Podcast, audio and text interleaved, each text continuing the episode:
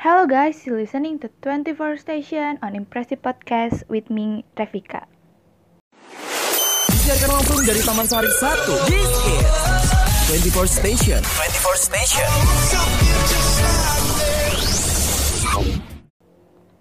Gimana nih kabar teman-teman semua setelah hampir satu bulan ya menjalani aktivitas di dalam rumah gara-gara pandemik ini? Pasti banyak yang bosen dan pengen menjalani aktivitas seperti biasanya. Cuman ya kita harus tetap stay at home, terus jaga juga kesehatannya. Jangan bandel juga buat keluar rumah cuman gara-gara bosan ya teman-teman. Nah, di episode impresi kali ini, kita akan membahas putar COVID-19, juga dampak-dampak yang dirasakan dari penyebaran virus ini. Jadi sebelumnya apa sih COVID-19 itu? Jadi sebenarnya COVID-19 itu adalah nama penyakitnya dari coronavirus jadi si coronavirus ini adalah suatu kelompok virus yang emang udah ada sebelumnya yang menyebabkan uh, infeksi saluran pernapasan pada manusia. Jadi yang disebabkan penyakitnya tuh bisa dari hewan atau bisa dari bisa dari manusia juga. Jadi sebelumnya tuh uh, si coronavirus ini tuh dikenal dengan penyakit MERS atau SARS dan sekarang muncul lagi si virus ini bermutasi jadi COVID-19 yang sekarang uh, sedang mewabah di dunia. Kayak yang kita semua tahu, asal mula COVID-19 ini kan berasal dari Wuhan dan udah ada sekitar uh, dari bulan Desember tahun 2019 dan gejala-gejala yang ditimbulkan sih nggak jauh beda sama flu biasa. Tapi satu yang menjadi identik perbedaan uh, penderita flu dan COVID-19 ini adalah sesak nafas atau misalnya sakit dada atau hal-hal yang emang berhubungan dengan daerah pernafasan. Karena emang COVID-19 utamanya menyerang saluran pernapasan. Tapi sekarang banyak juga orang-orang yang positif COVID-19 tapi nggak ngeliatin gejalanya. Karena emang penyakit ini juga berhubungan erat dengan imun tubuh. Jadi kalau misalnya imun tubuh kita bagus, COVID-19 bisa menyerang tanpa menimbulkan gejala. Dan dengan kita mengisolasi diri sampai 14 hari pun, kita bisa ngelawan virus itu sendiri karena imun tubuh kita yang bagus. Nah, karena penyebarannya yang mudah dan sangat cepat, itu yang menjadi masalah utama saat ini tuh. Karena kan emang terlebih vaksinnya juga belum belum ada. Terus udah kayak gitu uh, kita bisa lihat ya dari kasus yang terjadi di Indonesia gitu. Pertama kali COVID-19 masuk ke Indonesia itu di awal Maret kemarin dengan pasien positif. Dan hingga saat ini di awal April uh, dengan kurun waktu cuman sebulan uh, kita itu udah mencapai angka di 5.900 orang yang positif. Itu ngeri banget kan? Karena emang penyebaran si coronavirus ini tuh benar-benar cepet dan nggak terkontrol sama sekali. Makanya kenapa hingga saat ini kita masih melakukan social distancing atau physical distancing sampai uh, banyak negara juga yang emang uh, memutuskan untuk terus melakukan lockdown kayak gitu. Kalau misalnya kita ngomongin soal social distancing dan lockdown, mungkin kita tahu ya beberapa negara di luar itu udah memilih opsi lockdown sebagai cara mereka untuk menangani penyebaran virus corona ini dan menjadi satu-satunya opsi yang menurut mereka bisa mereka lakukan untuk uh, memutuskan atau mempersepit uh, laju penyebarannya kalau misalnya di negara-negara Asia, kita tahu ya kayak Cina yang udah jelas dari awal mereka melakukan opsi ini dan Filipina, Malaysia, juga negara-negara di Eropa dan termasuk Italia yang saat ini memiliki jumlah pasien yang lebih besar jumlahnya daripada Cina walaupun emang Amerika saat ini pun uh, berada di daftar yang paling utama. Nah, kalau misalnya Indonesia sendiri, kenapa sih sebenarnya mereka uh, pemerintah ini tuh nggak memutuskan untuk lockdown? Walaupun yang banyak juga dari masyarakat yang udah menyuarakan hal itu tapi hingga saat ini lockdown tidak menjadi pilihan pemerintah dalam uh, menangani virus corona ini. Justru uh, pilihan terakhir pemerintah adalah darurat sipil. Aku punya beberapa opini mengenai hal ini. Ada pro kontra yang ditimbulkan dari opsi lockdown pro karena emang e, melihat negara yang telah melakukan opsi ini berhasil. Seperti keberhasilan yang dirasakan oleh Cina selama hampir 4 bulan e, mereka menjadi pusat pandemik ini, tapi akhirnya mereka bisa benar-benar meredam jumlah kasus baru dari COVID-19 dengan jumlah kesembuhan yang besar juga. Dan menurut aku, lockdown emang jadi satu pilihan yang benar-benar bagus dan akurat.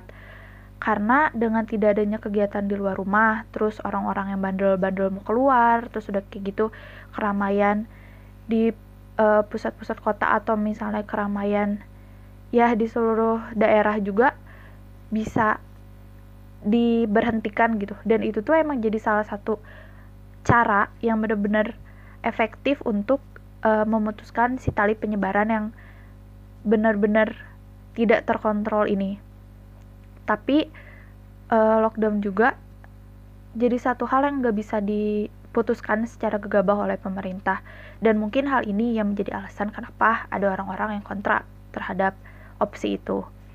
Satu hal yang menjadi fokus utama untuk menerapkan kebijakan ini adalah kesiapan negara secara finansial. Menurut aku kayak gitu. Terus dengan kita ngelihat uh, jumlah penduduk Indonesia sebanyak 270 juta, apa emang Indonesia bisa memberikan kesejahteraan hidup yang merata bagi seluruh masyarakatnya selama masa lockdown berlaku? Dan jawabannya sih mungkin iya, mungkin enggak juga gitu. Tapi ngelihat dari keadaan sekarang dan pemerintah pun nggak memasukkan lockdown sebagai salah satu opsi mereka dalam menangani eh, COVID-19 ini, berarti bisa dibilang Indonesia tidak mampu secara finansial. Tapi walaupun pemerintah tidak melakukan sistem lockdown, uh, mereka tetap melakukan kebijakan-kebijakan yang nggak jauh beda sama lockdown. Kayak yang kita tahu sekarang Jakarta dan Jawa Barat mulai menetapkan kebijakan pembatasan sosial berskala besar atau PSBB dan uh, kurang lebih udah dua minggu dari udah dua minggu kemarin ini uh, Jakarta menerapkan hal itu terus Bogor juga udah mulai Bandung juga uh, udah mulai akan menerapkan hal itu. Dan menurut aku sih hal ini nggak jauh beda sebenarnya sama lockdown. Bedanya ya kalau misalnya uh, PSBB itu uh, apa masyarakat masih terus uh, bertanggung jawab atas kehidupannya itu dari diri sendiri nggak ditanggung oleh negara.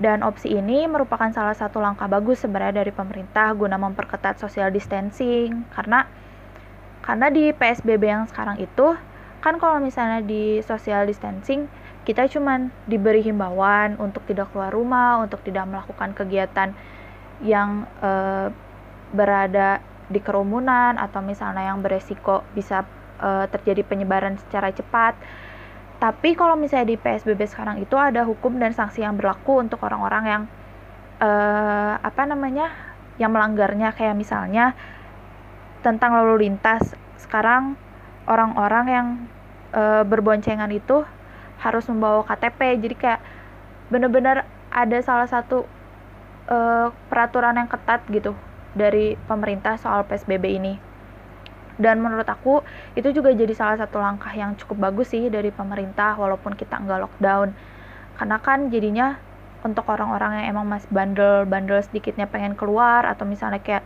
mereka masih uh, menganggap remeh soal penyebaran si COVID-19 ini ya bisa ke trigger lah sedikitnya untuk benar-benar diem ada di rumah gitu dengan karena kan sekarang udah ada uh, apa namanya sanksi dan hukum yang berlaku juga kayak gitu. Kalau misalnya kita berbicara soal dampak yang ditimbulkan dari COVID-19 ini sebenarnya banyak ya. Nggak cuma dari sektor kesehatan aja, tapi sosial, ekonomi, juga hal-hal yang mungkin waktu itu kita nggak bakal kepikiran kalau misalnya hal itu bisa berdampak tapi sekarang kita melihat dan merasakan juga kalau misalnya emang itu ada dampaknya. Kenapa? Karena saat ini kita belum tahu cara yang tepat untuk menanganinya kayak gimana. Terus kita juga belum nemu nih solusi yang benar-benar tepat untuk memutuskan tali penyebarannya itu kayak gimana. Berikut hingga saat ini pun kita belum dapat vaksinnya untuk si COVID-19 uh, sehingga di tengah-tengah wabah ini kita tuh banyak uh, mendapatkan atau misalnya banyak melihat hal-hal yang emang nggak terduga terjadi. Kayak misalnya sekarang kita lagi melakukan social distancing, di mana kita diharuskan dan dipaksa untuk melakukan segala kegiatan dari rumah, entah itu belajar atau misalnya kita bekerja. Tapi yang jadi masalah di sini adalah nggak semua orang bisa melakukan hal itu, karena nggak semua orang punya hak istimewa atau misalnya fasilitas untuk terus melakukan kegiatan di dalam rumah. Kayak misalnya orang-orang yang uh, masih harus bekerja di luar rumah untuk mendapatkan penghasilan harian. mereka kan nggak bisa berada di, di, di dalam rumah untuk bekerja kayak gitu loh uh, dan itu nggak bisa disalahkan karena emang hingga saat ini pun hidup kita di dalam rumah itu uh, berasal dari uang kita sendiri. Dan mereka yang masih harus bekerja di, di luar rumah itu ya mereka bergantung dengan penghasilan hariannya. Bahkan ada masyarakat juga yang udah nggak punya penghasilan karena emang uh, pekerjaannya entah itu dia di PHK atau misalnya emang yang bekerja di sektor pariwisata dengan tidak adanya pengunjung berarti kan mereka pun gak dapat penghasilan kayak gitu. Jadi banyak juga orang-orang yang hingga saat ini tuh hidupnya bergantung dengan tabungan yang mereka punya. Hal ini yang harus menjadi sorotan untuk pemerintah guna menangani wabah COVID-19. Jika memang kita ingin penyebaran ini tidak meluas dan memaksa semua orang untuk berada di rumah, maka harus ada solusi yang tepat juga dari pemerintah untuk menangani ekonomi masyarakat. Uh, satu hal yang jelas dari COVID-19 ini menurut aku adalah semakin memperlihatkan kesenjangan sosial yang ada di negara kita. Di saat ada satu keluarga yang bisa menikmati fasilitas internet dan gak khawatir soal makanan di dalam rumah, ada satu keluarga lagi yang tiap harinya bingung gimana keadaannya untuk mendapatkan uang, untuk makan di hari itu, karena emang saat ini keadaannya sangat mengerikan dan uh, nggak semua orang itu menurut aku punya privilege untuk bisa duduk tenang di rumahnya saat pandemik ini. Dan menurut aku, ini jadi dampak yang sangat mengerikan dari wabah ini selain terancamnya kesehatan kita semua. Dengan penyebaran yang semakin luas, juga kita belum tahu kapan wabah ini akan berakhir. Semoga secepatnya kita mendapatkan titik cerah ya teman-teman. Dan semoga juga uh, pemerintah mempunyai solusi yang tepat untuk menangani COVID-19 dan juga uh, untuk menangani kesejahteraan ekonomi masyarakat.